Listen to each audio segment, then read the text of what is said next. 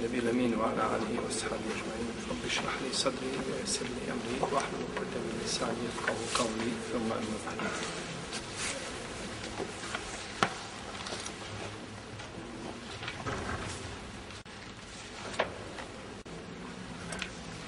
Gdje smo stali, ko zna?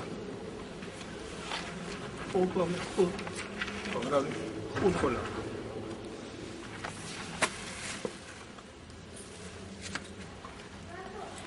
bez pauze ovako malo zaustave.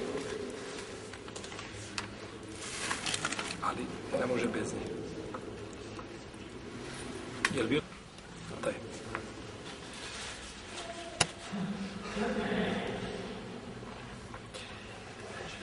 Od milosti stvoritelja Tebara Keotala jeste što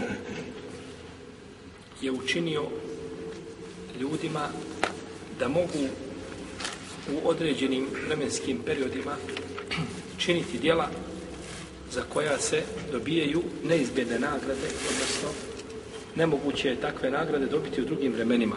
Da kažemo nekakvim običnim, normalnim vremenima je nemoguće takve nagrade dobiti. Pa samo što prođe mjesec Ramazan, odmah nakon njega ima nova sezona ibadeta, a to je mjesec Šaval i šest dana posta u njemu. Samo što se završi taj, dolazi mjesec Zulhidžet i dolazi hađ. I dolazi prvi deset dana Zulhidžeta koji su posebno vrijedni. Naravno, između njih je šta? Zulkar, je tako? A nakon toga dolazi odmah mjesec Muharram, u kome se mi sada trenutno nalazimo.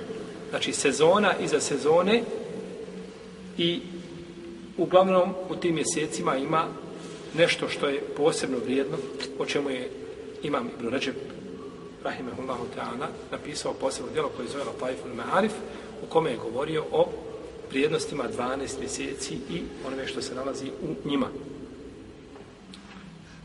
Mi se nalazimo sada u mjesecu Ređepu, koga je uzvišeni Allah te barak tala spomenuo u Kur'anu. Spomenuo ga u Kur'anu. Hoće vam neko kazati gdje je to spomenuto u Kur'anu? Gdje je spomenuto mjesec Ređepa? U Muharram. Ja, mjesec Muharram. O Muharram. Mjesec Muharram je spomenut u Kur'anu. Da nije ova četiri svijeta ako spominje. Bravo.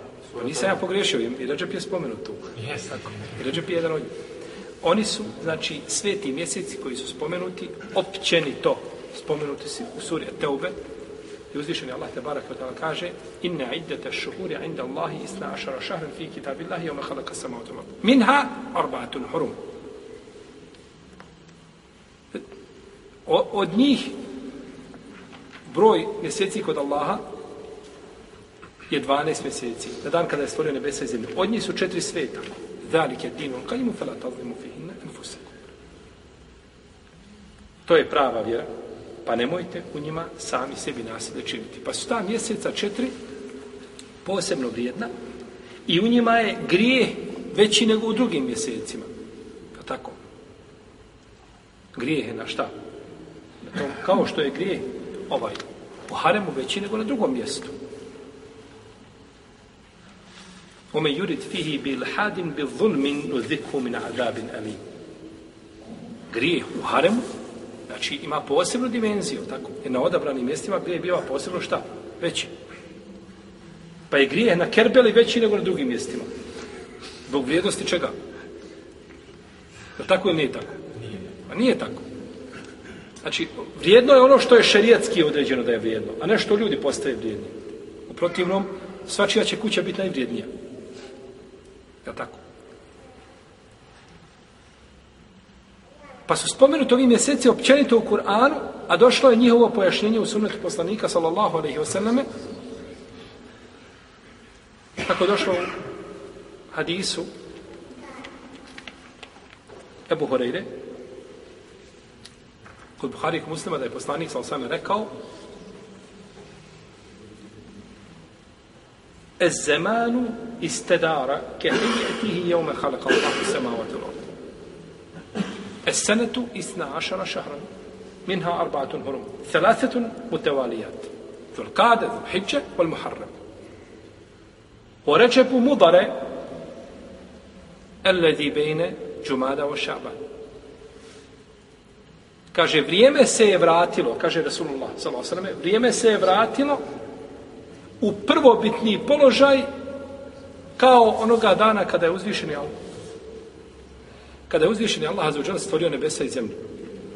Godina ima 12 mjeseci, četiri su sveta, od ota četiri sveta su tri uzastopna. Dhul Qade ili Dhul Qade, Dhul Hidje i Al Muharram. I Ređep Mudara, koji je između Džumade i Šabana.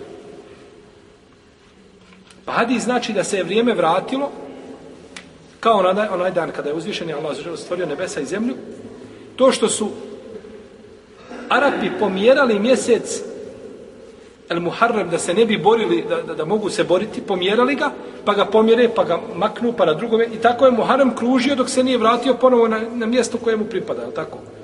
Da dođe poslije Dulhidžeta. Pa kada se je taj vratio i taj dan kada je kazan ovaj hadis, Zemanu istedara ke hejeti i jeume halak Allahu samavati u vrijeme se vratilo, kružilo i vratilo se na mjesto onako kako ga je uzvišen Allah stvorio, misli se da je mjesec, znači Ređeb, odnosno Muharrem dobio svoje pravo mjesto i ostaje na tom mjestu do sudnjega dana.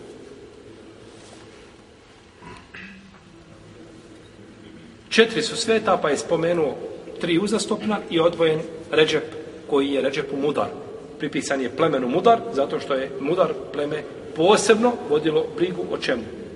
O tom mjesecu. Pleme je Mudar posebno, znači vodilo brigu o tom mjesecu i nije ga, znači, zapostavljalo. Odnosno, davali su mu njegovo pravo više nego drugi ljudi. Pa je pripisan, znači, tom plemenu protivnom, Ređep je, jel, sveti mjesec, mjesec vina.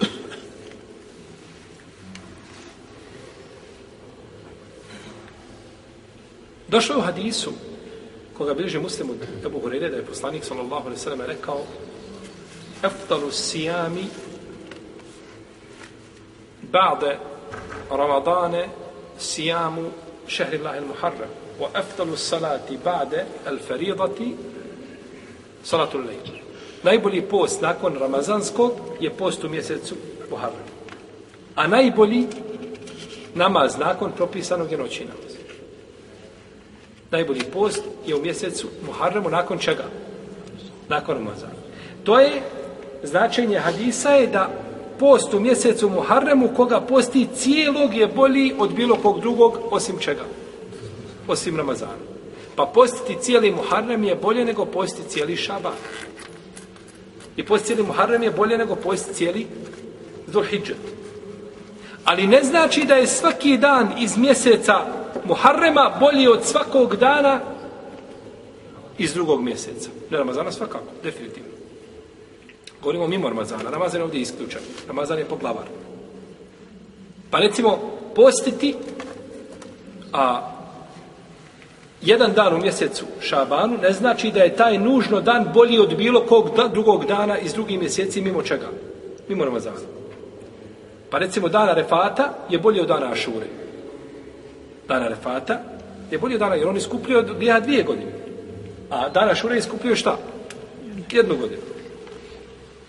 Pa je bolji mjesec, ovaj, ovaj, ili dan Refata je bolji u tom pogledu od čega? Od dana šure. A dana šure je sastavni dio kog mjeseca? Muharema. A dan Arefata? Zulhidžeta. Pa znači, jedan dan iz Zulhidžeta može biti bolji od jednog dana u Muharremu. I bolji je dan Arefata od bilo kog dana u Muharremu. To je ponovo Ali post kao post cijelog mjeseca ne. Tako bi se hadis mogao ispravno razumjeti i na takav način bi moglo nestati ovaj, a, prividne nekakve oprečnosti koja ima među, znači među hadisima.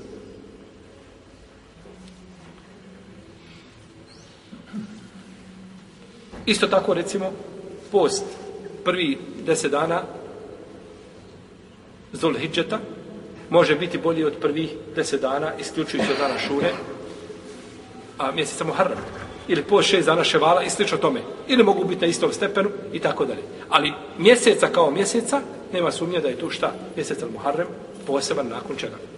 Nakon Ramazana. Kao što je noći namaz najbolji nakon čega? Propisano.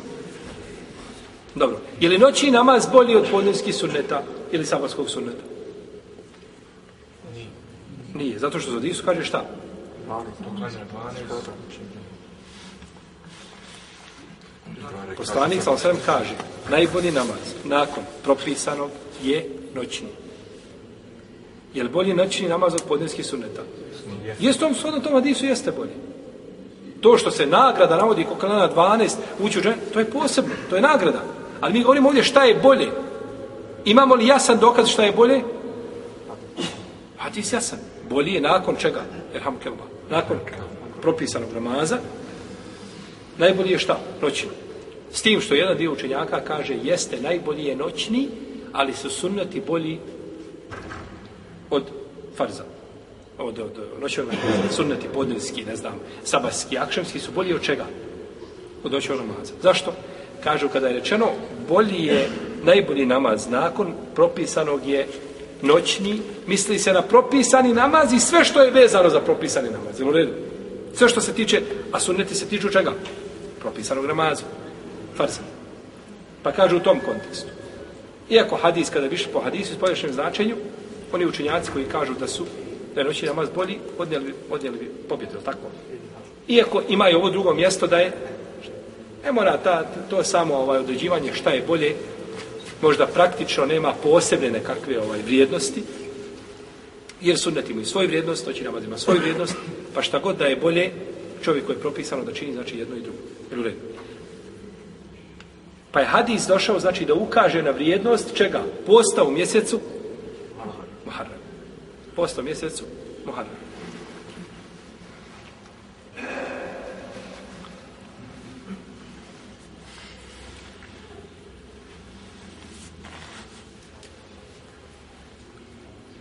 I došlo je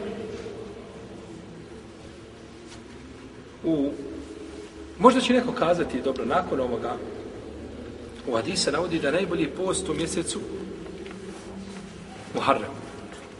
Od poslanika sa osame nije potvrđeno da je postio Muharrem koliko kako je potvrđeno da je postio Šaban.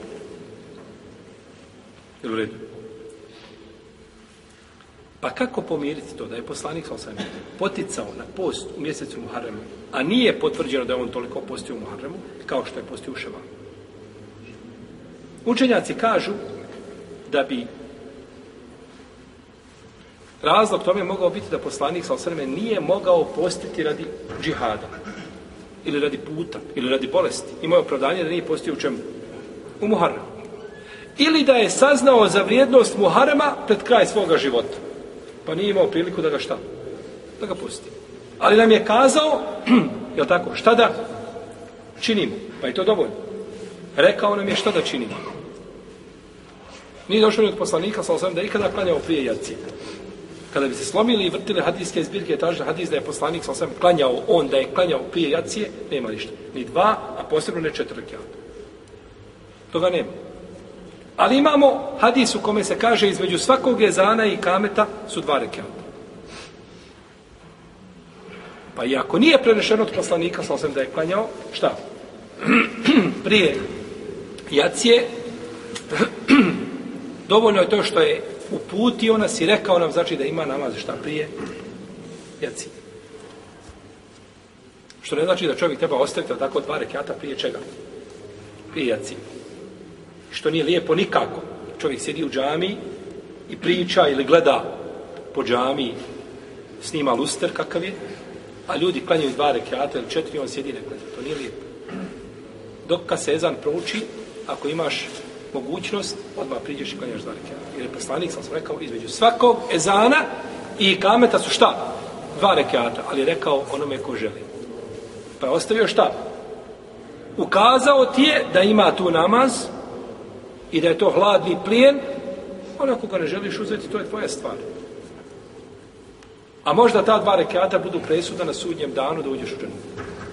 Stavi na jedna star, sta, sta, jednu stranu, ta svage stavljena dobra djela, na drugi ta svage loša djela i izjednačilo. I ti si od ashabul e'raf, ljudima koji će biti na bedemima. Trebaju ti ta dva rekiata. Tražiš od žene, neće da čuje.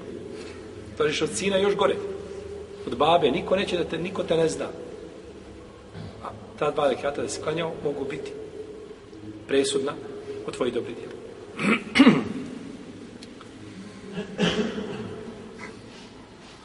Kaže poslanik sa osrme u hadisu, koga bilježi vam muslimun, Abu Sejda al-Hudrija, ma min abdi jesumu fi sabili Allahi jaumen vahidan illa ja'ala Allahu bejnehu o bejne nari hendaqan seba'ina harifa. Nema ni jednog čovjeka koji posti jedan dan na Allahom putu. A da uzvišeni Allah neće učiniti između njega i vatre džahenemske ponor, hendek, kanal, provaliju od 70 godina. Znači, nećete pržiti vatra džahenemska. Udaljen si dovoljno od nje da te šta? Kaže se, jedan dan ti sebi na Allahom putu, ne misli se u džihadu. Bilo gdje. Na Allahom putu radi Allah da postiš, imaš tu nagradu.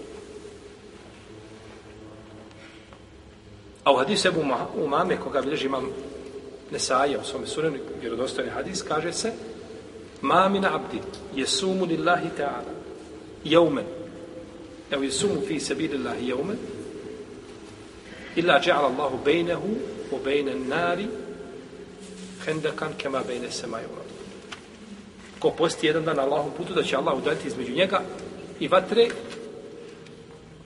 tim ponorom kao što je između nebesa i zemlje. Kao što je između nebesa i zemlje. I zato kada je došao Ebu Muame, Ebu Umame el-Bahiri, kako je došlo kod imama Tirmizi u njegovom sunenu, došao je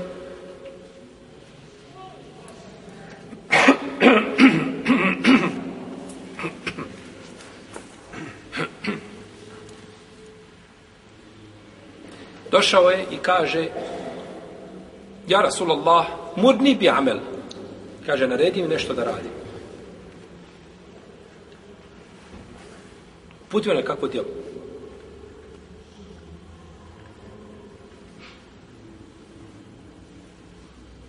Ovaj hadis bilježi ko?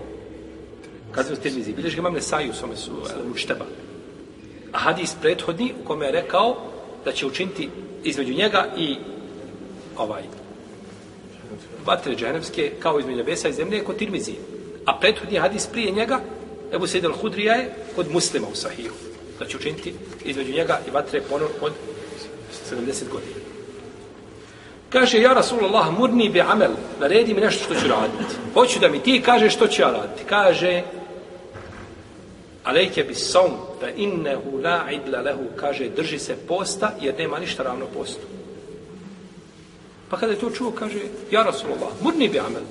Kaže, Allah posljedniče, opet mi naredi nešto drugo da radim. Kao da kaže, daj mi nešto bolje. Daj mi nešto bolje. Pa je poslanik, sam sam razumije, kaže, alejke bi saum fe innehu la inda lehu, kaže, drži se posta, jer nema, kaže, bolje od posta.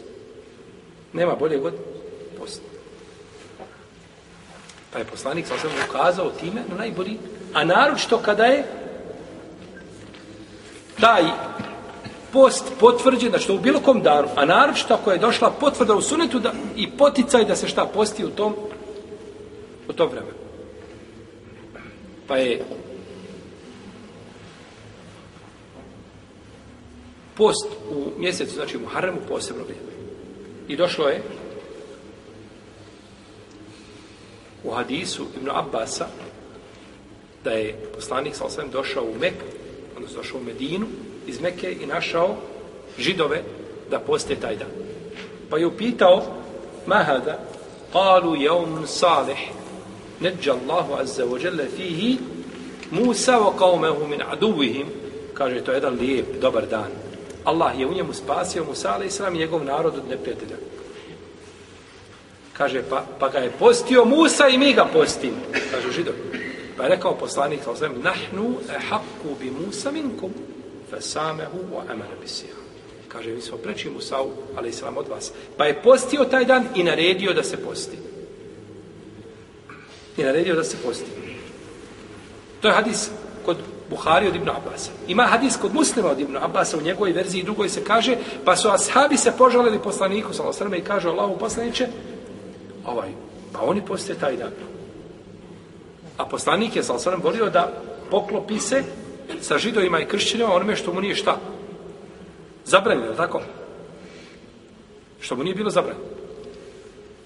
Kaže, oni ga poste. Kaže, ako naredne godine doživimo, postićemo i deveti. Pa nije poslanik, ali sam doživio narodnu godinu.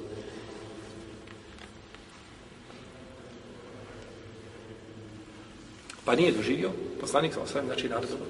Ibn Abbas je govorio, kako došao kod Buharije, kaže, Mara ejtu nebije sa osvijem, je teharra, sijame, jaumi, faddalehu ala gajri ila hadal jaum. Kaže, nisam nikad vidio poslanika sa sam da posebno gleda da posti jedan dan u mjesecu i da mu daje prednost na drugima kao što je ovaj dan. Na koji dan misli? Dana šuri. U omisle hada šahar. i ovaj mjesec. Na koji mjesec misli? Na Ramazan. Na Ramazan. Nije namaz. Rekli smo prethodno da nije potvrđeno da je poslanik samo šta? Postio? Muharram. To je upalo kontradiktorno, tako? Ne, i ovaj mjesec misli se na mjesec Ramazan. Misli se na mjesec Ramazan.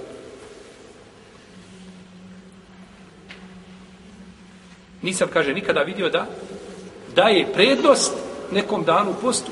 Zato što od taj dan, kako došao od Isebu Katade kod muslima, ahtesibu ala Allah, ennehu yukeffiru esenne eh, esene eleti kablehu. Kaže, očekujem da će Allah sa tim danom iskupiti post godine koja je bila prije njega.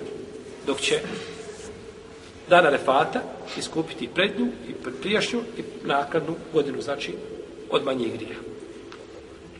Zato što je dan Arefata, dan poslanika sa A dan Ašure je dan Musao. Pa je poslanik, sa osvijem, najbolji poslanik.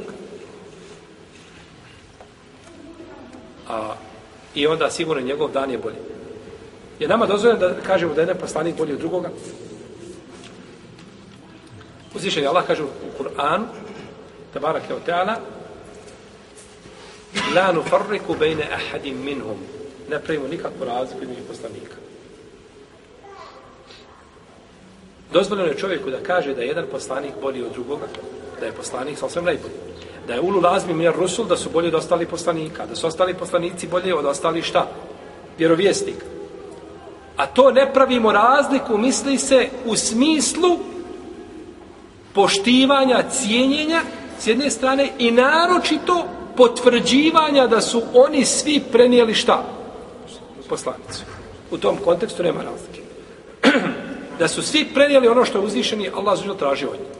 U tom nema razlike. Ili da pravimo razliku da želimo time što kažemo raspravljaš sa židom i kažeš naš poslanik, sallallahu alaihi sallam, je najbolji poslanik. Želeći time da degradiraš mu savisa. To je haram. Zabranjeno. I ako to čovjek želi da time omalovaži poslanika, može ići dalje od harama, može doći do kupra. U tom kontekstu nema. I sećate se da smo govorili da nije čovjek, Ulema je govorila da nije dozvoljeno čovjeku kazati, čovjek pastir čuva ovce i ti mu kažeš, ti si pastir. Kaže, pa i poslanik je bio pastir. Je li bio pastir poslanik? Jest. Ali tu nije dozvoljeno kazati da je bio pastir. Možeš kazati šta je malo što o tome da čovjek bude pastir, da se bavi, ovce su džennetske životinje, ali da kažeš poslanik, ja sam sam bio pastir, ne. Jer tu se spominje pastir u pozitivno negativnom kontekstu. U negativnom kontekstu. I ti poslanika sad dovodiš u jedan negativ. To je zapravo. Ali da se kaže općenito poslanik, sa osvijem pastir bio, drugi su sahabi bili pastiri čuo, tome, o drugi jeli poslanici, bilo među ima koji su bili pastiri, u tome nema nikakve smete. Nema nikakve smete.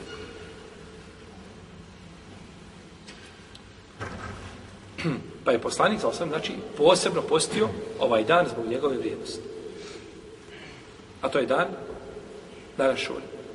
I postio ga je poslanik, sa osvijem prije dolaska u Medinu. Postio ga u Mekke. Ovdje Ibn Abbas se kaže kada je došao u Medinu, zate kao je židove da. Ali imamo hadis Ajše kod Buharije u Sahihu, kaže, postili su kane jeumu ašura je ili tesumuhu korejšun fil džahilije. O kane nebio sam jesumuhu. Kaže, postili su korejšije taj dan u džahilijetu. I kaže, postio ga poslanik. Pa kada je došao u Meku, zatekao je židove i kršćane da ga poste. U Medinu. Kada došao u Medinu, zatekao je židove i kršćane da ga poste. Tako došao u Medinu. Pa je pitao šta je, kažu da, pa ga je postio. Pa je taj post toga dana, znači, bio i ranije prisutan. Nije izričito gdje u Medina, hadisi Ajša radijallahu talana jasniji po tome pitaju nego hadis šta Ibnu Abbas.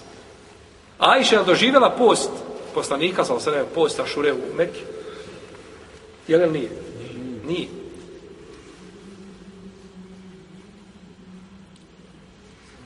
Dobro. Može li onda to biti prihvaćeno? Može. Što? Mogu, možda je poslanik sam pričao. Možda je poslanik. Možda je pričao poslanik. Možda je pričao Ebu Bekr. Možda je pričao neko drugi od sahaba. I ovo se zove u hadijskoj nauci kako? Mursar. Bravo. Murselu sahabe. Nije samo Mursel. Murselu sahabe. Jer Mursel je daiv. Murselu sahabe su vjerodostojni hadisi. Ibn Abbas priča nešto što nije doživio, što je bilo poslanika u, u vrijeme, prvom tom vremenu čega? Daveta. Ibn Abbas je umro, ili ovaj, umro je poslanik, sam sam kada Ibn Abbas imao 15 godina. Ili između 13 i 15, ono razilaženje među lemom. On je znači rođen prije Hidže na par godina. Kako ti možeš pričati šta je bilo u vremenu, ne znam, kada je poslanik počeo dolaziti objava u vreme kada su muslimani bili maltretirani u Mekki. To je Murselu sahabe, ali to nije sporno kod hadijskih stručnjaka. Jer se takvi rivajeti šta? Prihvataju zato što u tom vremenu postoji mogućnost da je to čuo od poslanika, sam i od drugoga sahabu. Postoji mogućnost da je čuo od tabina. Postoji mogućnost. Postoji mogućnost. Postoji mogućnost. Imamo, znači, ovaj, a, imamo skupinu hadisa gdje su tabini čuli, ashabi čuli od tabina, veliki tabini, čuli od stari ashaba, ovi bili mladi ashabi, nisu čuli, pa su on to čuli od. Taj je broj hadisa mali, Ibn Hajar je sakupio, tako da ne može se osnovu toga vratiti, jeli, hadis kao hadis. Dobro. Pa je poslanik sa postio dan čega? Ašure u Mekki. Prije, znači, dolaska u Medinu. I ispravno je kod islamskih učenjaka mišljenje da je post dana Ašure prije Ramazana bio vađib, da je bio fart. Da se mora postiti. Jer imamo hadis a, Selem ibn Lekva kod Buhari i kod muslima da je naredio poslanik sa čovjeku iz plemena Eslem da oglasi među ljudima znači muezinu znači onome vlasti koji će oglasiti ljudima kaže ko je danas jeo neka ne jede ostatak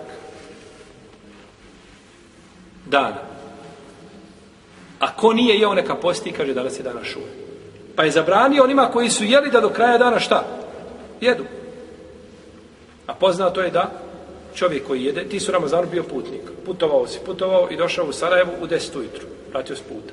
I evo, već si doručkao gore negdje u Zenici. Je li bio dozvoljeno da doručkuješ? Jeste, zato što si šta? I došao si kući i nakon toga smiješ lijest do kraja dana? Smiješ. Ispravno je da smiješ. Ja, ja nisam taj dan bio dužan, nisam ga, nisam ga zapostio šerijatski. Žena se očistila u 12 popodne i počela klanjati. Morali, morali ostatak dana postiti do, do akšama? Ne mora. Ispravno je da ne mora. Ne mora, znači, ali je poslanik za je posebno zbog vrijednosti tog dana redio, znači da se taj dan više ne posti, da ukazuje na njegovu šta? Obavezu ljudima. Pa kada je propisan Ramazan, kako došlo u hadisu Ajše, kaže, a femen ša, femen ša fel je sumhu, omen ša eftar. Kaže, ko želi neka ga posti, a ko želi neka, neka prekine post, odnosno neka ne posti. Jer propisivanje mjeseca Ramazana je dokinulo, znači, post dana Ašura. A prije toga bilo šta? Bilo obavezno. Pa je poslanik, sam sam, znači, poželio da na kraju života dodao uz taj dan još jedan dan, ali nije to uzvišenje Allah uzvišenje odredio. Pa se dana šure može postiti na četiri načina. Može biti da čovjek posti deseti, deveti, deseti i jedanesti dan. Znači, da posti dan prije ašure i ašuru i dan posle ašure. I hadis u tome kontekstu ima kod imama Ahmeda i on je dajiv. Imamo post deveti i deseti dan i to je hadis Ibn Abbasa, on je kod Buhari u Sahihu i tu nema iškjala, nema tu nikakve ovaj, nejasnoće. To je najbolje. Imamo post deseti i jedanesti dana šure i dan poslije. I tako bi se moglo postiti onaj ko želi da razlikuje se, znači, od židova. Da radi različito njima, da posti taj dan. Ne bi smetalo. Jel u redu? Ne bi smetalo. Iako tome nema hadisa. Ali zbog, znači, muhalefe, zbog razlikovanja, neće smete da radi. I imamo četvrti način, a to je da postiš samo deseti dan. Kažeš, ja ću postiti samo deseti dan. I za to je kazao šeho samim temije da je to mekru. Ibn Temije neka od nama kaže da je mekru. Iako bi Allah ta'ala na osnovu argumenta preče bilo kazati da je to dozvoljeno. Da nema tu, nije to mekru. Poslanik je sam postio taj dan. Kad mu je rečeno, kaže, postit ćemo nakon da dodat ćemo dan. Pa ne bi poslanik sam svem radio ono sve šta, što je mekru. Naročito u vremenu ovaj današnjem kad on to ne čine. Ovaj, post, znači ne bi bio u mekru, jeli, ovaj, da se posti samo taj dan zasebno, pa ko ne može postiti prije ili poslije, dozvoljeno je znači da posti samo taj dan. Dobro.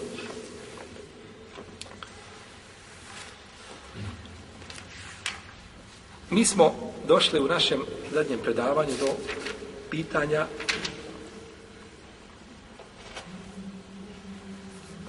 i govorili smo nešto o hula, znači o razvodu braka uz otkup.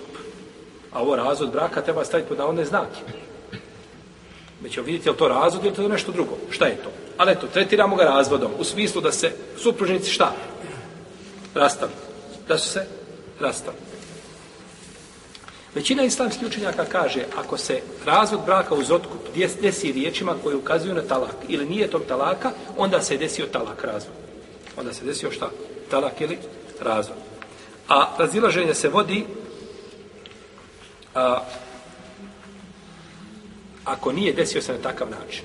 Ako se nije desio e, jasnim riječima talaka ili nije to, šta je onda i kakav je propis? Tu imamo različita mišljenja. Jedan dio učenjaka kaže da je to talak ba'in. Da je to neopozivi razvod braka. Da se moraju šta? Rastaju se i da se tretira čim talakom. I to je stav imama Ebu Hanife i Malika i Šafije po novom mezhebu, za razliku od njegovog starog mezheba. I to je odabrao Ibn Hazm. Samo što on kaže da je to a, ba'in, znači da je može vratiti u tom periodu da je može vratiti ovaj, jeli, nakon tog talaka. I ovo mišljenje prethodno imama, ove trojice imama su odabrali isto tako Neha i, i Šabi i Zuhri od Tabina, Euzaji, i Seuri i druga ulema. Prenosi su skupina ashaba, nije potvrđeno ni od koga od njih. Oni to dokazuju hadisom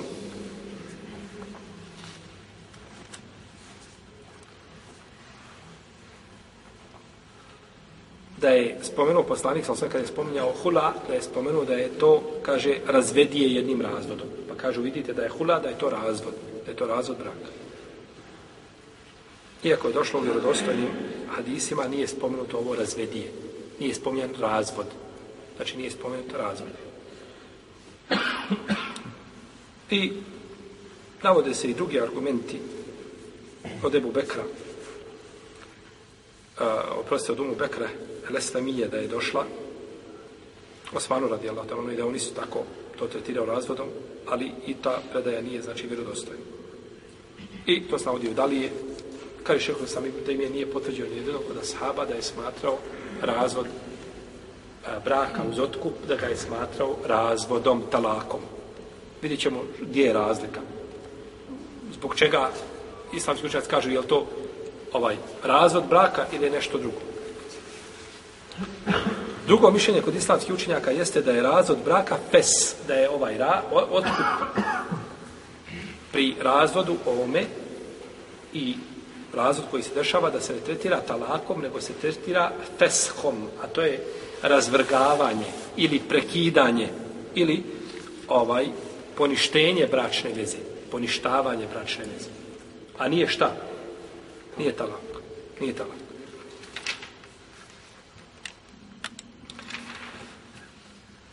I ovaj stav imama Šafije po starom mesebu i to je poznato kod imama Ahmeda u njegovom mezhebu ili njegovom mišljenju, jel? I odabrao ga Ishaq i Ebu Theur i Daude Zahiri i to se pripisuje Ibnu Abbasu i odabrao ga isto tako Ibnu Tejmi Ibnu Kajim su odabrali ovo mišljenje.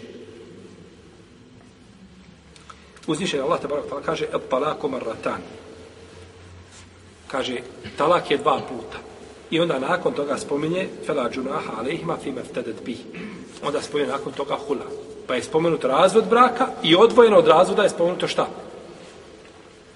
Razvod uz otkup. Što znači da taj razvod uz otkup nije šta? Ne tretira se znači razvodom, jeli, ne tretira se razvodom braka. I tako je to razumio Ibn Abbas kada je kada mu je to spomenuto, kaže spomenuto je razvod braka i rekao je ako je bio razvod uz otkup, znači hula, da to nije razvod i da je može, može čovjek ponovo oženiti.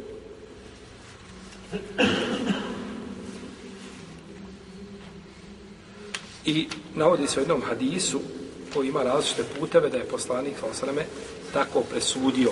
Da nije, znači, presudio razvodu uz otkup, da je to standardni klasični razvod, nego da je to, znači, posebna vrsta razdvajanja supružnika.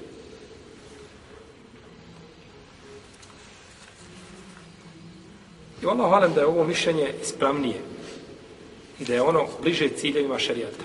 Znači da je to šta? Razvrgavanje ili poništenje bračne veze, a nije šta? Razvod. Ovo dolazi, gdje dolazi u, do izražaja ovo pitanje? Da li je to razvrgavanje bračne veze ili poništenje ili je to razvod? Dolazi do toga kada čovjek pustio je ženu dva puta. I nakon toga razvrgne bračnu vezu. Ili je pusti dva puta i nakon toga je oženi. I nakon toga šta? Jel, se to, jel mu se broje ta dva puta? A? Prijašnji razvoj. Jeste broji se, znači, ta dva puta. Razila, to nema razila, nego gdje se vodi razilaženje? Kada je pusti treći put, pa je oženi drugi, pa je ovaj vrati oženi. Da li mu se šta broji, mu se ne broji? Ide li iznova? Ili, sjećam se toga smo pričali o tome. A nekada davno, jel? Dobro. Ovaj, nije bitno. Bitno je ovdje, čovjek je pustio ženu dva puta. I treći put, kaže ona njemu živ bio, haj ti da se jaj ti nagodim. Evo tebi mehr koji si ti men dao i da bude razvod, taj sporazumni, ako možemo tako kazati, ili uz otkup, da bude hula. Kaže, može. I on je razveden. I sada želi da je ženi ponovo, prošlo vremena, i ona vidjela da je teško bez muje, i on vidio da je teško bez patime, kaže, hajmo mi ponovo iz početka. Ali to su bile šta tri rastave. Kaže, moraš sudati za drugog. Pa zašto? Pa tri puta sam te razveo. Ona mu kaže, pa nije ovo treće bio razvod, to je bio šta? Sporazumno, to je bila hula. I onda se raziđu i dođu na ono na što se različno šta? Učenjaci. Džumuruleme kažu da je to razvod. Manjina kažu to je razvrgavanje, poništenje, nije razvod. Nego u tom momentu samo poništena bračna veza. Jel u redu? Razumijete? Poništen bračni ugovor. I nema više. Nije desio se šta? Razvod. Pa bi po prvom mišljenju morao je oženiti drugi pa da, pa da živi sa njom, pa da je razvede, pa da se uda za njega. Jel? A po drugom mišljenju mogao bi on ženiti ponovo. Jer ima šta još? Jedan pod pravo. Ima da je oženi. Jer je razveo dva puta i ono treće se ne računa čime? Razvod. Jeste. Tome, tome je razlika. Tome je razlika. Pa ispravno mišljenje Allah hvalem da je to poništenje i razvrgavanje bračne veze, a nije talak. Osim ako je šta? Ko će mi kazati? Ima leko da spasi skupinu. Uvijete spašena skupina. Šta je radio? Izgovorio, na početku smo kazali, ako čovjek po konsensusu leme, ako bude hula riječima razvoda, ili bude nije tom razvoda, onda je šta? Onda je talak, nema razilaženja. Ali se razilaze ako bude, kako? Riječima može, sporazumno, hoćeš li, evo ti pare, u redu, nije problem, desio se hula, sporazumno. E, u tom kontekstu, šta je sada hula? Kako ga definisati? Je li to razvod braka ili je šta? Poništenje bračne veze. Pa ispravno da je to šta? Da je poništenje bračne veze. I to odgovara, kažemo, ovaj, i hadisu poslanika, sallallahu i odgovara isto tako ovaj, ciljevima šerijata. Je tako? Jer čovjek se igra kada je ono prvi i drugi put se igra sa, a kad treći put dođe razvod braka, vidite čovjek pita, razvio sam, kaže, desio se razvod, jeste, alhamdulillah, ništa. Ali kada je treći razlog, ili treći razvod, da vidite ovaj, kako kroz, kroz kako se pitanje prostavlja kroz plačan glas. Kroz glas pun jada. Ne, ne, ne, ne, ne, ovaj, nekakvog ovaj, a, nevoljnika koji traži zaštitu nekakvu ili traži rješenje. Ali gotovo je. Čovjek treba razmišljati prije razvoda. Dobro.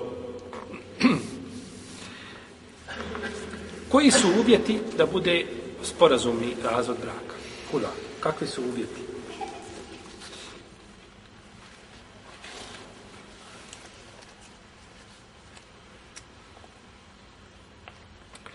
Hula je razvod braka, znači to je šerijetski prvo postupak. Šerijatski opravdana stvar, šerijetski postupak. A u kome se određenim riječima, znači izrazom, traži razvod braka, supružnici, njih dvoje, i definiše se vrijednost, znači koja će se isplatiti suprugu. Pa ovdje imamo četiri rukna za hulak. Mora imamo četiri osnovne elementarna dijela bez kojih ne vrijedi e, sporazumni razvod. Prvo su supružnici. Supružnici. Suprug, suprug se tu naziva el muhala. Ona se zove el muhtelija. Jedno i drugo. I imamo način kako se to dešava. Zašto način? Zašto riječ? To što je bitno. Jer može to preći u šta ju? U talak. Tako kao što smo kazali. Ako je riječima, znači koje su koje za sobom povlači talak. I imamo četvrtu stvar, a to je šta? Vrijednost. Vrijednost koja se plaća mužu, koja mu se daje. Koja mu se daje. Dobro. Prvi ovaj uvjet je al-muhala, a to je muž, suprug muž znači koji to isplaćuje odnosno koji prihvata tu ženinu ponudu. I kod islamskih učenjaka kod fakiha ima pravilo da pravo na prihvatanje razvoda uz otkup ima pravo onaj ko ima pravo dati talak. Jel u redu? Pa ne može se dogovoriti ovaj svekar sa snahom nešto iza, iza leđa sinu. Sin otišao, otputovao sa snahom da da, da, da se razvedu, ne može on snahe smisli organski i hajmo mi snahom da mi to riješimo i ona se dogo... i njega niko ništa ne pita. Jer nema pravo dati ko? Talak. Babo, je tako? Babo od muža nema pravo dati talak. Pa talak, znači prihvata, odnosno onaj fes, eh, hula prihvata čovjek koji ima pravo da daje, jeli, talak.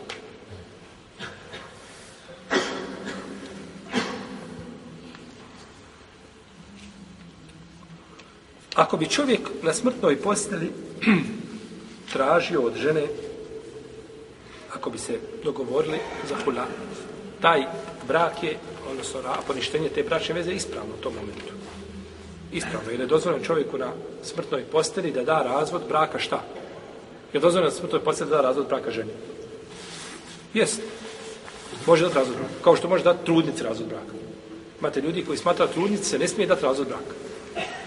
Trudna žena kada nema, kako nema razum? Trudna, ne trudna, nikakve to veze nema. Samo što ona ima svoj propis posebno kada je trudna, po pitanju ideta i tako dalje, a uprotiv da trudnici razvod braka, u tome nema nikakve šta smetnje. Samo što se u lema razilazi kada se u tom momentu da razvod braka, da li će žena imati pravo na nasljedstvo ili neće. Jel u redu? Jer ponekad čovjek na smrtoj posteli, žena, ne znam, nije mu nešto bila poslušna, I kada je na smrtoj posteli, kaže, sad ću ja dati talak razvod braka, da nema šta, pravo da me nasledi. Našto ako je taj razvod braka šta? Neopoziv. Ako je opoziv, hoće ga naslijediti. Hoće, ona je u propisu njegove šta? Žene. Kazali smo prvi i drugi razvod braka, ona bio, ali ako da treći, e tada ako daje se razvod braka i potvrdi se da joj želi zabraniti, spriječiti joj miras, zato što je bila iz ovoga onoga razloga nije bitno, onda nakon toga ovaj, ili ima svoju djecu, a ona im je maćeha, pa djeca vrše pritisak na babu, razvedi je, razvedi je babu, da ona ništa ne dobije, u redu. Da nama pripadne. Ne, ona je babina žena i ona ima pravo na osminu sa tom djecom. I nema joj se, znači, pravo to uskratiti. Pa izvrše pritisak, onda kadija kaže ne. I kolika je vrijednost da u jednoj zemlji ima kadija. Šerijatski, koji se Allah zažel boji i koji ljudima daje njeva prava i hakove koje im je šerijat zaganito. A kako je to ružno kad imaju kadije, kome možeš tisnuti u džep kovertu i sve završeno. Tisneš mu kovertu i napišeš u koverti kakva je presuda. Ti napišeš presudu svojom rukom i tisneš mu kovertu i kad ja samo pročitaš tako presudu na sudu. I to ti je tako došlo. Danas u muslimanskim zemljama za 5 eura možete naći svjedoka da svjedoči šta hoćeš. Za 5 eura. Posvjedoči, posvjedoči će ti sve živo. Ti mu napiši, on samo proči, nauči na pamet. Sve kaže šta je. Izvaš se zakune najtežom zakletvom ruku na Kur'an i stavi da je on to čuo i da je proda svoj, proda svoj ahiret za 5 eura. Pa su, tako kako je rekao poslanik, kad je su trojica? Trojica su u džahennemu, jedan je u, u džennetu. U džennetu je onaj koji zna i sudi po onome što zna. Sudi, udovoljava Allahu je zažel vjeri i postavlja, postavlja pravdu među ljudima. To je kadija koji je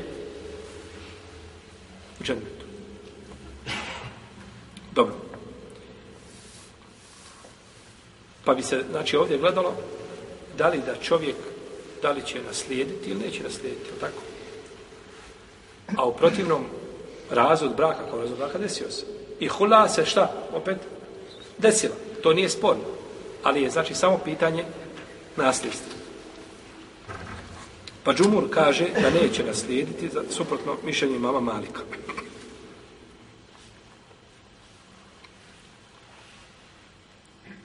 Ali dobro došla žena i kaže na smrtnoj posteli, haj ti mene razvedi. Evo tebi nazad tvojih, ne znam, sto maraka, dvijesto hiljada, nije bito koliko je dao mehra, razvedi ti mene. Može li se u ovome slučaju ovaj, a, pripisati njemu da je želio spriječiti ženi nasljedstvo?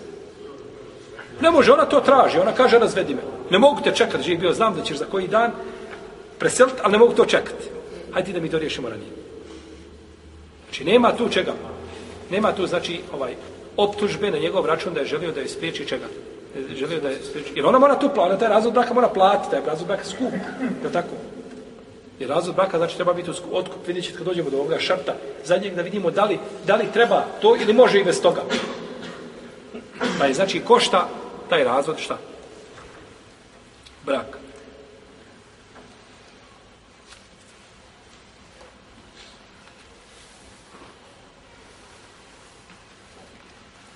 I ako bi u tom momentu oporučio više nego što je pripada, imaju pravo ostali oni nasljednici da se šta? Da se bune. I opet kod koga? Kod kadije. Opet kadija ne da. Jer nema u šarijetu je regulisano šta će ko koliko dobiti. Ti imaš jednu trećinu živio da sa njom raspolažeš. Da je daješ na Allahovom putu, a ostavi onim namjesnicima, ono, on, onim nasljednicima, ono što je uzvišenje Allah te barak tala propisao.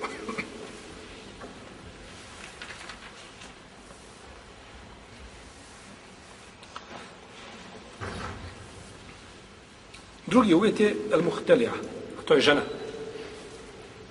Žena. Pa se to ne može dogovoriti sa njenim šta? Nasljednicima ili babom, ne, mora se, znači, ona mora biti ta, ovaj, babo nakon stupanja u bračnu vezu, on je taj koji šta? Koji ima pravo da odbije. Da odbije šta? Bračnu vezu, tako? Ako, ima pravo, ako nema opravdanja, nema pravo. I smatra se to adlom. Kod neke uleme je samo jedan put da babo odbije. Vjenčanje, znači djevojke koja sa momkom koji je njoj kuf, koji je njoj ravan, koji je adekvatan da bude njoj muž, ima pravo da ode kod kadije da se poželi da je kadija uda. Dok neka ulema kaže ne, kada se to potvrdi odbio jednog, pa drugog dolazi jedan, pa drugi, pa treći, on svakome nešto iščrka. Pa iščrčka će što je Adem, to je Benu, to je Benu Adem. On ima pri sebi i, i grijeha, i mahana, i ako to budeš čačko, onda moraš čekati ovaj meleka da dođe da ti ženi tvojih čerku. Ali ako je odbije, znači bez razloga, e onda to je, to je grijeh s njegove strane, on nema pravo da zatraži, znači, kod, kad je da je vjenča bez, znači, babe. Pa babe, babo tu isključi kadiju i kaže, ako je tako potvrđeno, jel u redu? Ima pravo, znači, da je I nije dozvoljeno čovjeku, nije dozvoljeno to, ovaj, tek tako ići jedan put babu odbio djevojci da se uda za nekoga i odma taj ode i koga? Nađe tamo da i nađe ovoga noga i kaže hajde ti mene da mi uzmem od babe bez gleda se zašto je babu odbio. Ponekad je čovjek odbio iz razloga koga on vidi da je razlog da je ispravno ponekad prosuđuje znači ovaj a, na način kako smatra da je to ispravno pa odbije nego kada se potvrdi da želi da je ili kaže otvoreno nećeš za vehabiju Jeste nećeš za vjernika. Čovjek koji je u džami. Niko sebe ne naziva vehabijom.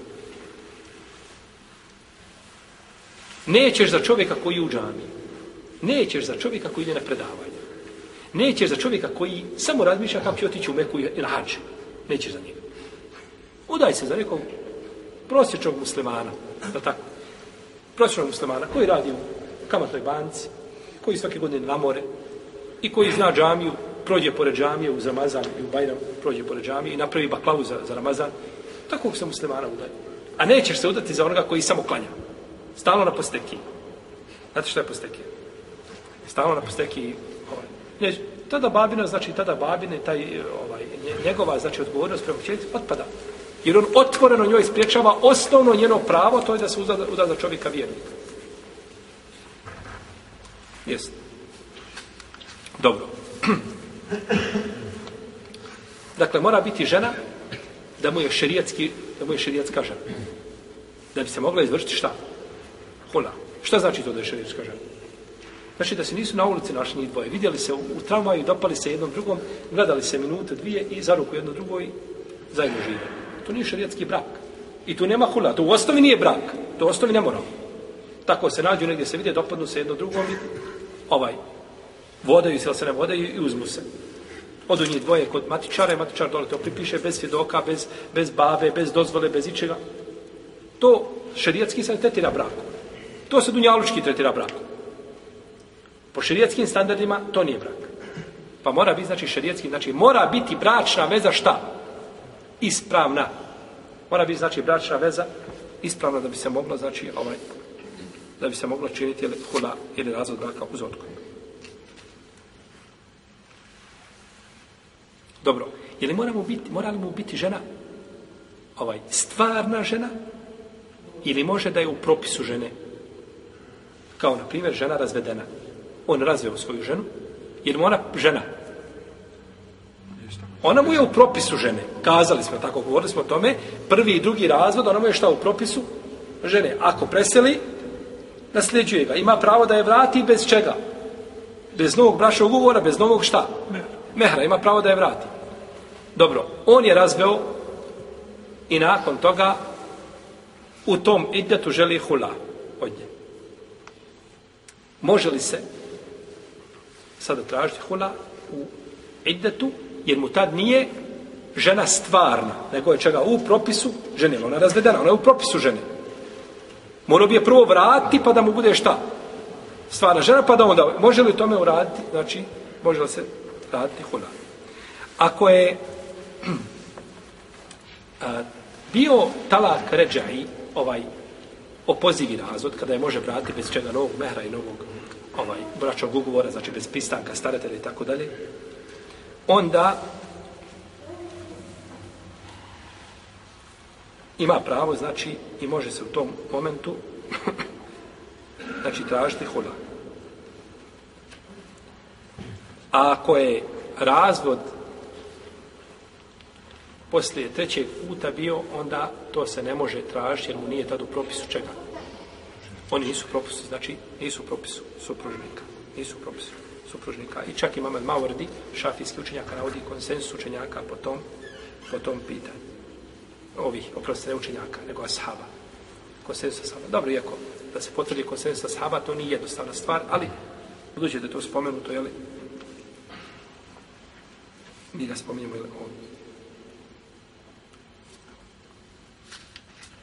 I ovo je ispravno mišljenje, da je žena, ako je nakon trećeg razreda, da to onda nema više hula, nego je tu desio se razvod i ne može vratiti više nakon toga.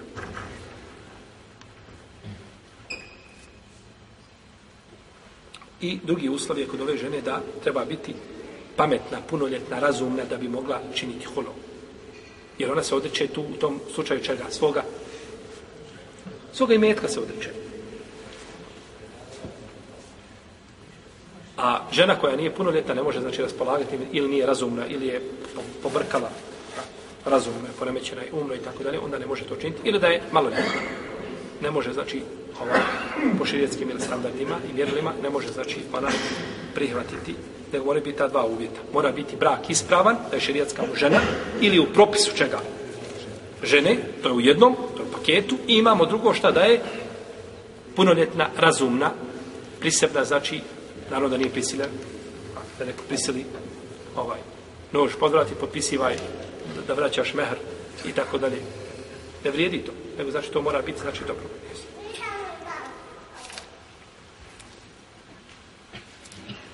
Da sad ću šalak dala u našem narednom predavanju govoriti o